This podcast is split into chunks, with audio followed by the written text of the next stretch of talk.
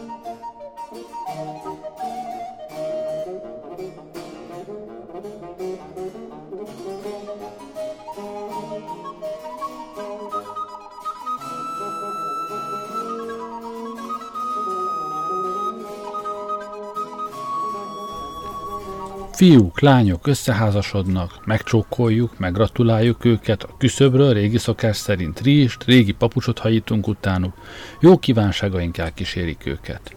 A fiú kesztyűs kézzel integet vissza, a lány kis zsebkendőjét lobogtatja a kocsi ablakból, látjuk mosolygó arcukat, halljuk nevetésüket, míg eltűnnek a kanyarulatnál. Megyünk a dolgaink után, elmúlik egy kis idő, valamelyik nap találkozunk velük. Az arcuk öregebb, szigorúbb. Szeretném tudni, mit mondott a hang nekik az alatt az idő alatt, míg nem láttuk őket. De hát persze, ilyesmit nem kérdezhet meg az ember. Meg nem is felelnék meg rá az igazat, ha megtennénk. Nevetett, otthagyta az ablakot és helyet foglalt a teaasztal mellett, más vendégek jöttek, képekről, darabokról, ismerősökről folyt a szó. Éreztem, nem volna okos dolog, ha követném a barátnőm tanácsát, bármennyire is értékelem különben a véleményét. Mert a nő túlságosan komolyan veszi az életet. Hisz legnagyobb részüknek komoly úgy is, Isten a tudója. Éppen azért jobb, ha nem vesszük még komolyabban, mint ahogy muszáj. Jackie, meg a kis Jill hasra esnek a domboldalon, megfájdul a kis térdük, kicsi orrúból folyik a nehezen megszerzett vér. Bölcsen vigasztaljuk. Ugyan ne sírjatok annyit, mondjuk, ne legyetek olyan nagy gyerekek. Kisfiúknak, kislányoknak meg kell tanulni, hogy a szenvedéseiket elviseljék. No, talpra, neki a gödörnek, töltsétek meg újból. Jackie, Jilly megtörlik piszos, piszkos kis öklükkel a szemüket, bánatosan tekintenek vérző térdükre, és visszatotyognak a gödörhöz. Kinevetjük őket, de rossz akarat nélkül. Szegény kis lelkek gondoljuk, hogy odáig voltak, azt hinni az ember, félig ütötték őket. Pedig csak horsolás. Milyen lármát tesz is ilyenkor a gyerek? Jó adag sztoikussággal kezeljük Jackie és Jilly esetét. Ha pedig felnőtt Jackik, őszül a bajuszú, szemünk mellett itt egy szarkaláb, mi bicsaklunk el a domboldalon, ha a mi kis ásunk törik el, jó Isten, minő tragédia, akkor leszednénk a csillagokat, megállítanánk a napot, felfüggesztenénk a természet törvényeit. A domboldalról lejövet Mr. Jack és Mrs. Chill, hogy mit csinálta fönn a domboldalon nem akarjuk kérdezni, megbortlanak egy kiálló kőben, biztosan a mindenség gonosz erői gördítették előjük. Mr. Jack és Mrs. Jill megütötték ostoba fejüket. Mr. Jackben és Mrs. Jillben megtörik a kis szív. Csodálkoznak, hogyan foroghat a világ tovább, hogyan járhatnak az emberek a dolgaik után, ilyen balsors láttán. Sose vegyétek olyan komolyan a dolgot, Jack és Jill. Belekontárkodtatok a, bold- belekontárkodtatok a boldogságotokba, elrontottátok, menjetek vissza a dombra, töltsétek meg újra a gödröt, majd most újra csináljátok ügyesebben. Mit is követtetek el? Valami jókora bolondságot, ugye? Biztos vagyok benne.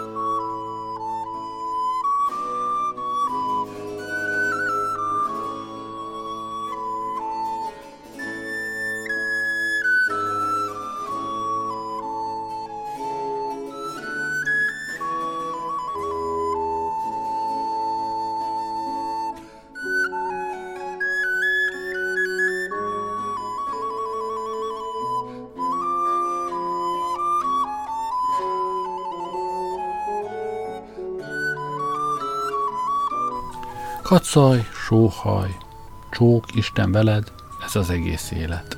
Érdemes miatta annyit bajlódni, aggódni. Nem állhat a hadjára csupa trombita szóból, furujából, búcsú pohárból. Itt-ott menetelés, tusa is akad. Pompás helyeskék vannak ám a sátrak körül, víg esték a tábor tűz mellett. Fehér kezek integetnek, szép szemek fátyolosak, ha búcsúzunk. Csak nem szökszel a harci muzsika elől, mit panaszkodsz? Előre, egyeseké vitézségi érdemére, mások orvos késére kerülnek. Előbb-utóbb valamennyiünknek hat lábanya föld jut ki. Ugyan mitől félsz? Bátorságpajtás. Az aligátor örökké mosolygó öntertsége, elégedettsége és a láma borzasztó érzékenysége között minden erősebb szóra halálért teped, sok út áll. Hogy emberséggel viseljük sorsunkat, úgy kell éreznünk, mint embernek.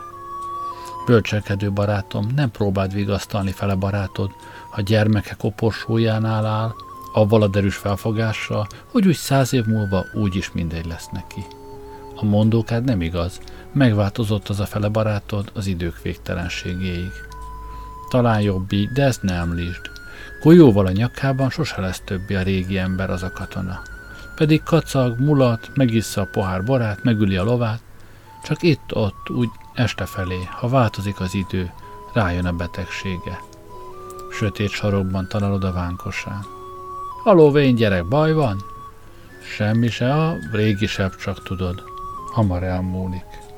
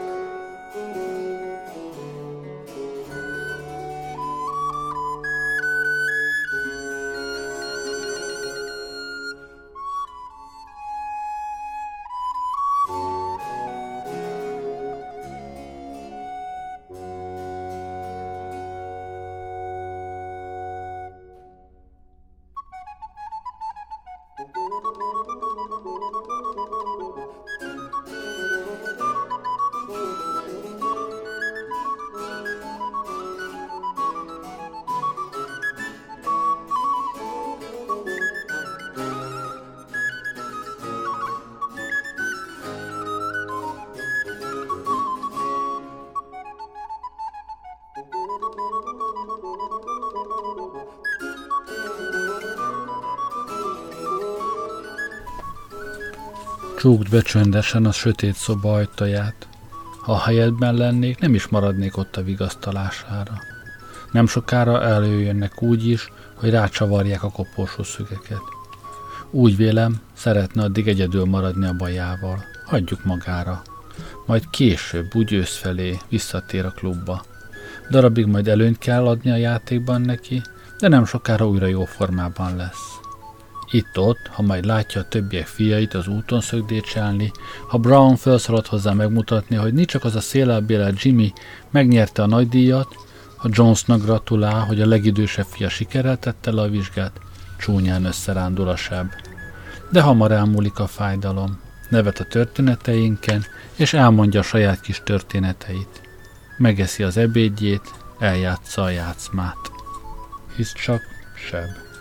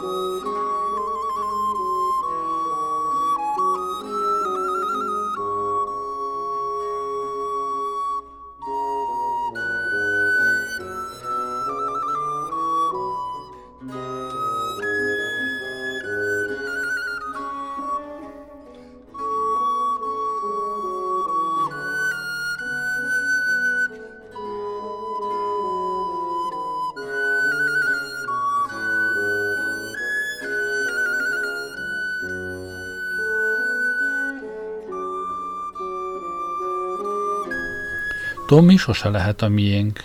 Jenny nem szeret. Nincs óbor, sört kell majd innunk. Istenem, hát mit akartok, mit csináljunk? Szidjuk vígan a sorsot minden esetre. Mindig jó, ha valakit alaposan kiszíthatunk. Sírjunk, tördeljük a kezeinket. Meddig? Nem sokára szól az ebédhez hívó harang, ma Smithszék is itt lesznek. Majd beszélni kell az operáról, a tárlatokról, hamar csak hol az odklöny, hol a sütővas, vagy jobban szeretnétek, ha öngyilkossá lennénk? Hát érdemes? Csak pár esztendőt még, holnap már talán valahonnan virágtartó vagy egy darab vakolat hull le, s a sors ingyen megszabadít által a bajtól, a szenvedéstől. Mint durszás gyerek szipoljuk nap-nap után. Törszívű kis csekki, kis csuli vagyunk. Sosem mosolygunk többet, elsorvadunk, elhalunk, tavasszal majd eltemetnek. Szomorú a világ, és olyan kegyetlen az élet, oly hideg a mennyország. Ó, ó, megütöttük magunkat. Vinnyogunk, sírunk minden fájdalmon. Régi, erős napokban igazi veszedelmeknek mentek ellenébe a férfia, az élet minden órájában igazi harcok várta, nem maradt idő sírásra. Halál, baj, mindig ott leselkedett az ajtó előtt. Most meg lombsátor közé rejtett villáinkban is mély sebet csinálunk a karcolásból. Agónia lesz a fejfájásból, tragédia minden szívfájás. Meggyilkolt apa, vízbe fut, kedves, meggyalázott anya, szellem, lemészárolt udvarnagy kellett ahhoz, hogy Hamletból akkora izgalmakat váltson ki, minőt a mai poéta valamelyik karénekes lány rossz kedvű tekintetén érez. Mélyebben érzünk, akár Mrs. Gramage. Ez a hölgy könnyű, kellemes életet túl komolyan fogott fel. Ulices hajósa az égi haragját, villámát és dörgését egyforma jókedvel fogadja. Modern hajósok, mi érzékenyebbek lettünk. A napsugár eltikkaszt, az eső megborzongat. Mindkettőt jajveszékelő önszánalommal fogadjuk.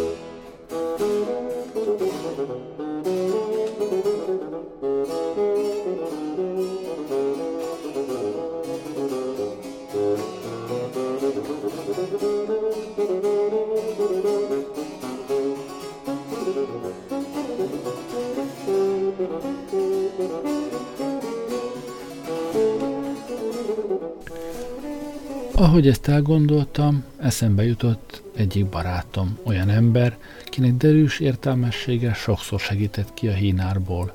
Őt is megkérdeztem a mézes hetek kérdésben. Kedves fiam, mondja, fogad meg tanácsom. ha valaha házasodsz, úgy rendezd meg, hogy a mézes hét ne legyen több a valóságban egy hétnél. Az is rövidke, bolondos hét. Csinálj egy hetes kúkféle körutazást. Esküdj meg szombaton reggel, maradjon el a reggeli és egyéb nyomajgások, csípd a 11-es Párizsi gyorsot. Vasárnap vidd fel a drágát az Eiffel toronyra. Fontaneblőben ebéd. Mézöndörében vacsora, este a Moulin Rouge. Utána az éjjeli lucerni személyvonat. Hétfőt kedded Avdoz Svájcnak. Rómába csütörtök reggel érkez, útközben megtekintheted az olasz tavakat. Pénteken már Marseille-t érinted, onnét is ruccany le Monte Carlo-ba. Hadd próbálkozzon meg a kicsi is az zöld asztalnál. Szombaton, korán reggel, Spanyolországba indulj. Vágd át összvérháton a Pireneusokat. Vasárnap Bordóban pihenhetsz. Hétfőn megint Párizsban vagy. Hétfő jó opera nap. Kedden este otthon is lehetsz már, de örülsz is neki. Ne adj időt a kisnőnek, hogy bírálgasson téged, míg meg nem szokott. Nincs ember, ki, ki ne szorulna valamelyes segítségre, ha először intimen jelenik meg fiatal leány előtt. A mézes hetek, a házassági mikroszkóp. Zavard össze? Kever bele mindenfélét, borítsd el minden más érdekkel. Ne maradj veszteg, ne tedd ki magad szigorú vizsgálatnak. Arra is gondolj, hogy a férfi akkor mutat a legjobban, ha cselekszik, dolgozik. Az asszony akkor legkevésbé. Csak rázd őt, rázd, nem bánom akárki is. Legyen rengeteg utipodgyász, amire vigyáznia kell. Úgy intézd, hogy mindig siessen a vonatot elérni. Hadd lássa, hogy a hétköznapi férj mind telepszik le kényelmesen a kocsi vánkosára, a feleségének meg egyenesen kell ülni a kis sarokban. Hadd hallja, mit ká- mind káromkodnak más férfiak. Hadd érezze más férfiak dohányszagát. Siess, szoktast hamar hozzá, hogy az embereket igazi világításban lássa. Akkor kevésbé lesz megijedve, meglepve, ha majd hozzád kell szoknia. Egyik a legkedvesebb barátaimnak, szeretetreméltó fickó az egész házasságát azzal rontotta el, hogy hosszú, nyugalmas mézes heteket kívánt. Magános kis házat béreltek egy hónapra valami Isten háta mögötti fészekben, hova emberi teremtménnyel nem látogatott, hol soha más nem történt, mint hogy reggel, délután, meg este lett. Itt szomorkodott a nő harminc napig. Ha a férfi ásított, pedig elég gyakran ásíthatott, gondolom, az asszony a szájának a méretére gondolt. Ha a lábát a kandallópárkányra rakta, ott ült és a lába formájáról elmelkedett. Ebédnél, miután ő maga nem volt éhes, hisz nem csinált semmit, hogy éhes legyen, avval mulatott, hogy a férjét leste, hogy eszik. Éjjel, mikor ugyanabból az okból álmos se volt, virrasztva feküdt és hallgatta, mint horkol az ura. Első, második nap után a férj megunta, hogy örökösen balgaságot mondjon, az asszony meg, hogy hallgassa. Sületlenségnek hangzott, most, hogy nyíltan hangosan mondogatták azt, ami olyan poétikus volt, mikor csak suttogni lehetett. Nem volt egyelőre olyan dolog, mi mindkettőjüket érdekelte volna. Ott ültek hát egymással szemben, és mereven bámultak egymás arcába. Valamelyik nap valami csekéség felingerelte a férfit, káromkodott. Hangos pályaudvaron, zajos hotelben csak annyit mondott volna az asszonyka, ó, ennyi, és nevetnek rajta mind a ketten. Abban a vízhangos pusztaságban messzire elhaladszott az ó egész a felhőig szaladt az ég felé, azon az éjjelen sírva aludta magát álomban menyecske. Bízúgy, fiam, csak rázd, vidd őket, táncoltasd, valamennyien annál jobban szeretjük egymást, mentől kevesebbet gondolunk egymásra. A mézes hetek pedig nagyon kritikus időszak. Csak hadugorjon, szaladjon, rázd, jó fiam! Legrosszabb tapasztalatom a mézes hetek során Angliában ért engem, 1890, mindegy, no, nem fontos a dátum, mondjuk pár évvel ezelőtt. Félénk fiatalember voltam akkor tájt. Sokan még ma is felpanaszolják félénkségemet. De némely fiatal lányok túl sokat várnak a fiatal embertől. Valamennyiünknek vannak hibáink. Például ott is én nem voltam annyira félénk, mint ő. Lyndhurstből New Forestbe, Ventorlanban volt az út, akkor még kemény kis utazás. Milyen szerencse, hogy ön is arra felé tart, mondja nekem kedden a nagynénye, Minni borzasztóan ideges, ha egyedül utazik. Ön majd utána néz kicsit, mégse aggódom akkor olyan nagyon. Mondtam neki, örülök a dolognak, akkor becsületesen úgy is éreztem. Szerdán lementem a kocsi hivatalba, két helyet váltottam Limingtonig, onnan majd gőzös visz tovább. Sejtelmem se volt arról, hogy baj lehet belőle. A hivatalnok már idős ember volt, azt mondja, két helyen van, egyik a kocsis mellett, másik az utolsó pad végében. Azt feleltem, ennyi nem lehetne kettőt egymás mellett?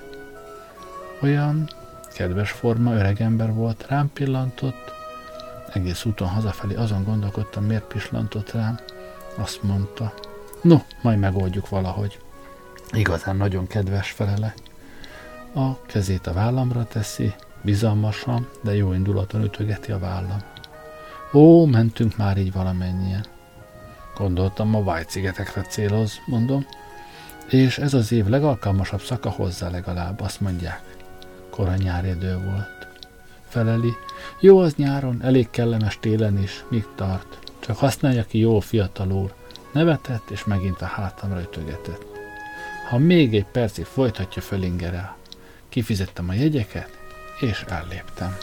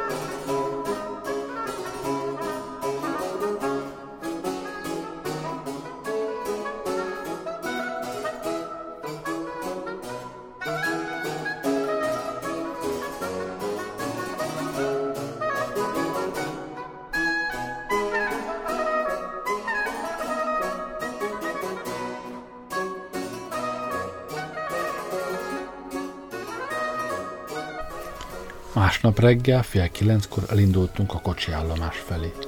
A lányt egyszerűen Mininek szólítottam, nem nyeglességből, csak mert elfelejtettem a vezeték nevét. Lehet úgy túl tíz esztendeje, hogy nem láttam. Csinos lány volt különben, olyan barna szemű, akinek mindig felhős a szeme mielőtt kacagna. A nagynénye nem jött le velünk, mint szándékában állt volna, fejfájás gyötörte. Kedveskedni akart, és kijelentette, hogy teljesen megbízik bennem. Az öreg hivatalnok megpillantott minket félmérföldnyi távolságról, felhívta ránk a kocsis figyelmét, az meg értesítette jövetelünkről a kocsiban összegyűlt utasokat. Valamennyien abba hagyták a beszélgetést, némán vártak minket. A kocsis megragadta a trombitáját és belefújt. Nem tudom, hogy tette, de világon senki sem tudta volna megmondani, mit kürtölt. Az egész szívét belefektette, csak szelet nem vitt bele eleget, úgy gondolom az volt a célja, hogy üdvözöljön, de inkább úgy hangzott az egész, mint ha káromkodás. Lassan megtudtuk, hogy mint kezdő kezelte csak a szerszámot. Titokzatos módon úgy festett a dolog, mintha az egész út a mi kedvünkért történne. Az öreg hivatalnok otthagyta a könyveit, és felsegítette Minnit a járműre. Egy pillanatig attól féltem, hogy meg akarja csókolni. Kocsis vigyorgott, mikor jó reggelt kívántam neki. A vendéglőből két szobalány meg egy pincér jött ki, azok is vigyorogta. Félrevontam Minit, halkan suttottam. Valami furcsa lehet rajtunk, mind vigyorognak. Körüljárt engem, én körüljártam őt, de egyikünk se talált semmi mulatságosat a másikon. A hivatalnak megszólalt. No, rendben van, találtam a fiataloknak két helyet épp a kocsis ülés mögött. Arra a padra majd ötöt kell ültetni. Nem baj, ha kicsit szorosan kérdés ülni, ugye? A hivatalnak a kocsisra pislogott, a kocsis az utasokra, az utasok egymásra, mármint azok, akik egymással szemben ülte, és nevettek valamennyien. A két szobalány hisztérikusan egymásba kapaszkodtak, hogy elnedüljenek. Minni és jó magam kivételével ez volt a legvidámabb kocsis társaság, mi Lindhurstben valaha összegyűlt. Elfoglaltuk a helyünket, még mindig azon igyekeztem, hogy kibogozzam a derű okát. Mikor egy kövér hölgy jelent meg a színen, kérte, hogy mutassák a kijelölt helyét. A hivatalnok elmagyarázta, hogy a kocsis mögött ott középen. Ötöt kellett arra a padra ültetni, teszi hozzá. Az erős hölgy a padra pillantott. Öten nem ülhetnek, azon mondja. Öt olyan, mint ő, nem is fért volna el. Négy közepes méretű ember, meg ő csak szorosan. Rendben van, mondja a hivatalnok, a hátulsó pad legutolsó helye is szabad még. Eszem ágában sincs, mondja a testes. Én hétfőn lefoglaltottam a helyem, akkor pedig azt mondta, hogy az első helyek mind szabadok. Majd én ülök oda, szóltam közben, nekem mindegy. Maga marad, ahol van fiatal ember, mondja a hivatalnok, ne szamárkodjon, majd én elhelyezem ezt. Nem tetszett a modora, pedig a hangja csupa jóság. Hadd ülök hát én oda a hátsó ülésre, mondja Minni, és fölemelkedik. Úgy szeretnék. Felelet kép a kocsis mindkét kezét a vállára tette. Nehéz ember volt, Minni leült. No hát, madám, mondta hivatalnok az erős hölgyne, akarod maradni középen, vagy ide jön hátra? De hát miért nem foglalja közülük valaki a hátsülést, kérde a kövér, a retiküljével rám mutatva meg minire. Hisz azt mondják, hogy szeretnének, hát miért ne legyen meg az örömük? A kocsis felállt, és nagy általánosságban véleményt mondott. Ha nem megy hátra, hagyjátok len, határozott. Mert férjet és feleséget még el nem választottak egymástól ezen a kocsin, pedig 15 esztendeje, hogy elkezdtem rajta mesterségem. Hát most se fogják. Általános helyeslés. A terebélyes hölgy érezte, most úgy tekintenek rá, mint ifjú szerelem boldogságának akadályára, gyorsan eltűnt a hátsülésen, megsuhogott az ostor, előre. Láma magyarázat. Június hó, ez meg olyan mézes hetek országrész. Nyáridő, legnépszerűbb évszak a házasodásra. Három fiatal pár közül kettő biztosan nászutas, ha júniusban a New Forestet szeli át. A harmadik az lesz majd. Ha valahová, csak is White szigetekre sietne. Rajtunk mindkettőnkön új ruha volt, véletlenül a bőröngyeink is újak. Valami gonosz véletlen folytán még az esernyőnk is csupa új. Együttvéve az esztendőink száma lehetett 37. Az lett volna a csuda, ha nem néznek frissen összeadott párnak.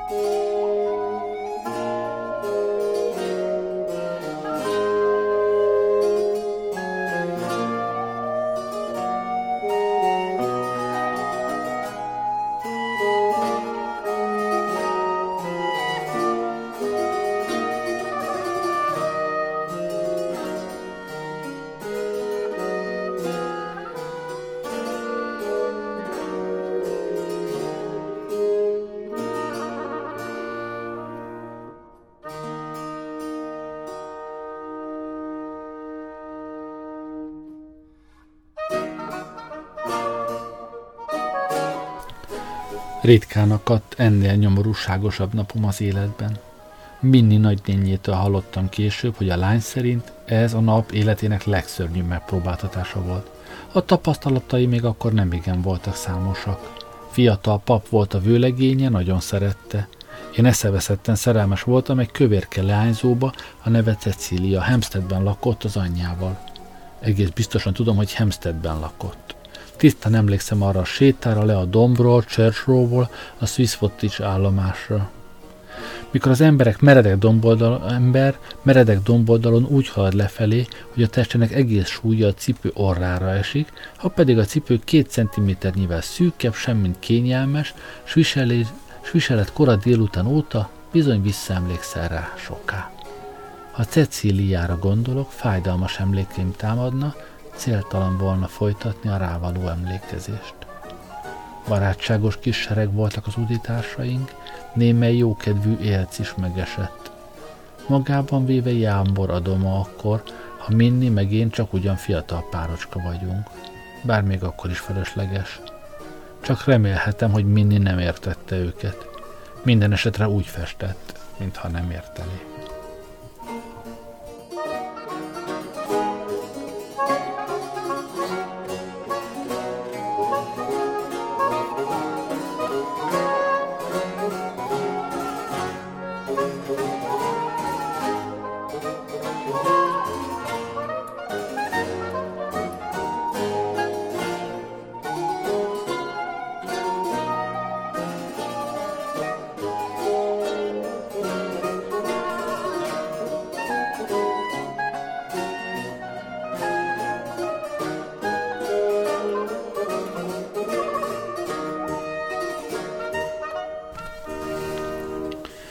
Emlékszem, hol látunk meg ebédre, arra emlékszem, hogy bárányhús és leves volt az asztalon.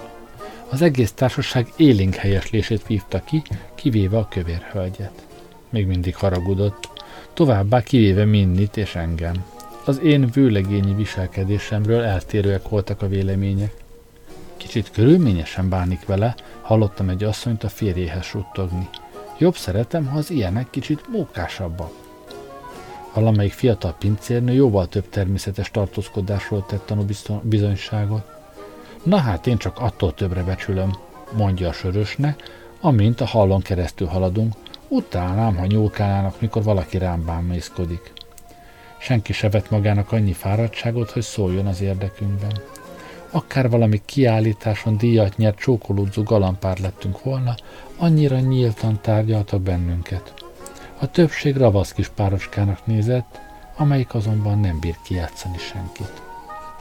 Sokszor gondoltam rá, hogy igazi fiatal pár hogyan fogta volna föl a helyzetet. Talán ha a törvényesen megengedett gyöngétségnek valamely jelét adjuk, közkívánatra, az út hátra levő részét békében tölthetjük. Hírünk gyorsan terjedt a gőzösön. Mindig könyörgött, közöljük velük, hogy nem vagyunk fiatal házasok, de hogy közölhettem volna? Ha csak úgy nem, hogy megkérem a kapitányt, rendelje a fedélzetre, tartson nekik rövid beszédet. Minni kijelentette, nem bírja tovább, visszavonult a hölgyek szalonjába. Sírva indult oda, szomorúságát a legénység, az utasok mind úgy fogták föl, hogy túlságosan hidegen bántam vele. Valamelyik bolond szétvetett lábbal megállt előttem, a fejét rázta. Ugyan menjen le és vigasztalja meg, így. Fogadja meg egy öreg ember tanácsát, ölelje meg. Szentimentális hülye lehetett. Mondja neki, hogy szereti. Mondtam, menjen a fenébe, akassza föl magát, ezt olyan erővel nyilatkoztattam ki, hogy megtántorodott. Csak hogy fogva tartotta őt valami karfa, nem esett a tengerbe, semmi szerencsém nem volt aznap. Ember fölötti erővel sikerült a kalauznak rájtban külön szakaszt szerezni. Sillinget adtam neki, mert nem tudtam, mit csinálja. De félszoberént is azt szívesen adok, ha még 6-8 pasas betesz mellénk. Valamennyi állomásnál népek jöttek az ajtónk elé, és bámultak befelé. Bentnor állomáson átutaltam Minit az apjának. Másnap reggel az első vonattal Londonba tértem. Úgy éreztem, egy darabig nem kívánom látni a lánykát, meg voltam győződve, hogy egész vígan él majd tovább anélkül, hogy mostan sem meglátogatnám. Mikor legközelebb viszont láttam, egy héttel volt az esküvője előtt. Hol fogják tölteni a mézes heteket? kérdeztem. New Forestban? Nem ott felel. De még a White szigeten sem.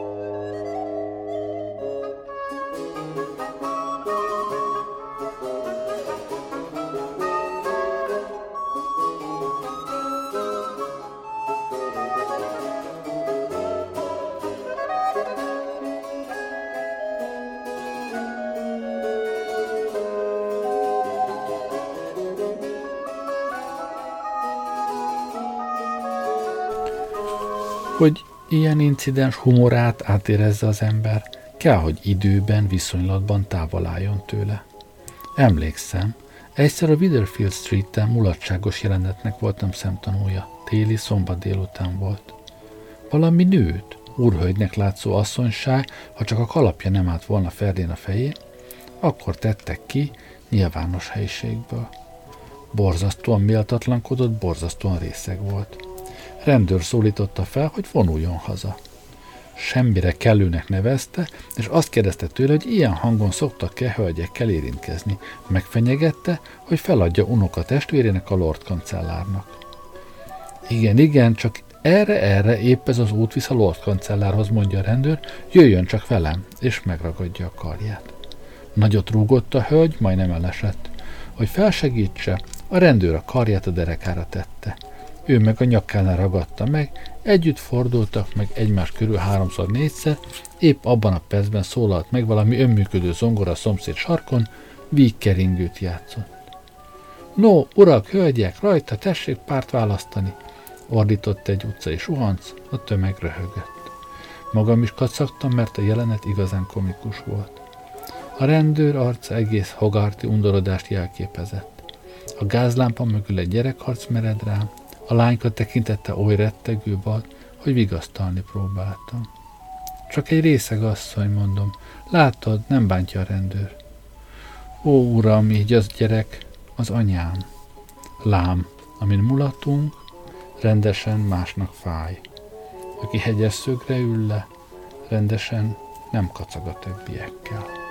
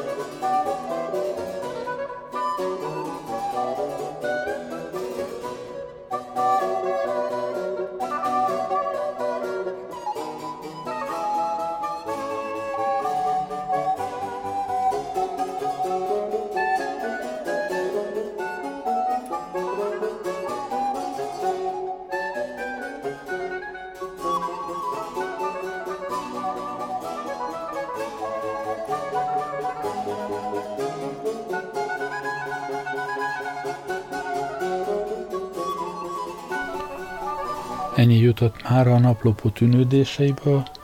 Köszönöm, hogy velem voltatok ma este. Jó éjszakát kívánok. Gerlei Rádiózó.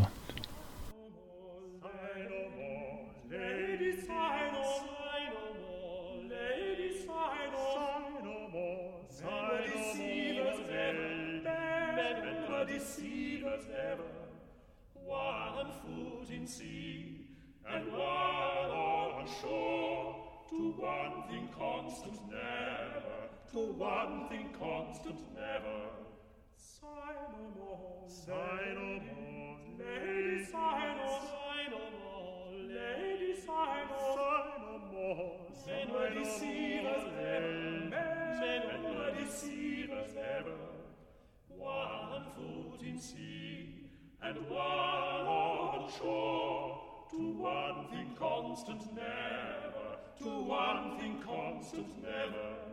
Then sigh, then sigh not so, not so but, let, but let them go, them go and be you blind, and be blind, and merry, converting all your nose of converting all your notes of woe into hey, into down, hey, down, derry, hey, into down, hey, down, derry, hey, down, derry, hey, down, derry, hey, down, derry, to hey, down, derry, and sigh, and sigh not souls, but let, but let them go, them go, and be in love, in love, and bury, converting all your notes of hurting all your notes of woe into hay, into dung, hay, dung, daddy, hey, into dung, hay, dung, daddy, Hay, dung, daddy, Hay, dung, daddy, Hay, dung, down, to hay, dung, daddy.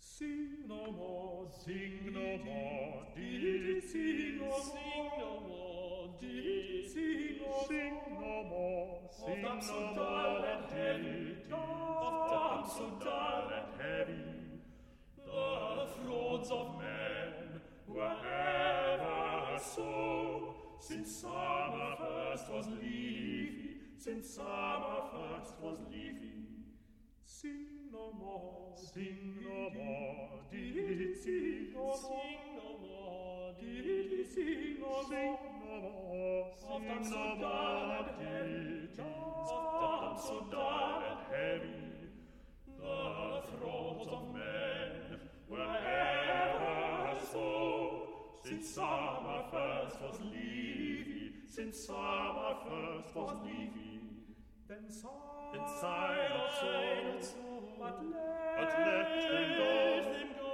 and be you blind, and be blind and merry, converting all your notes of woe, converting all your notes of woe into hey, into down, hey, down, derry, hey, into down, hey, down, derry, hey, down, derry, hey, down, derry, hey, down, down. To hey, down, derry, and sigh den silent souls, but let, but let them go, them go and be you blind, be you blind and merry, converting all your notes of woe, converting all your notes of woe into hey, into down, hey, down, daddy, hey, into down, hey, down, daddy, hey, down, daddy, hey, down, daddy hey, down, down, hey, down there.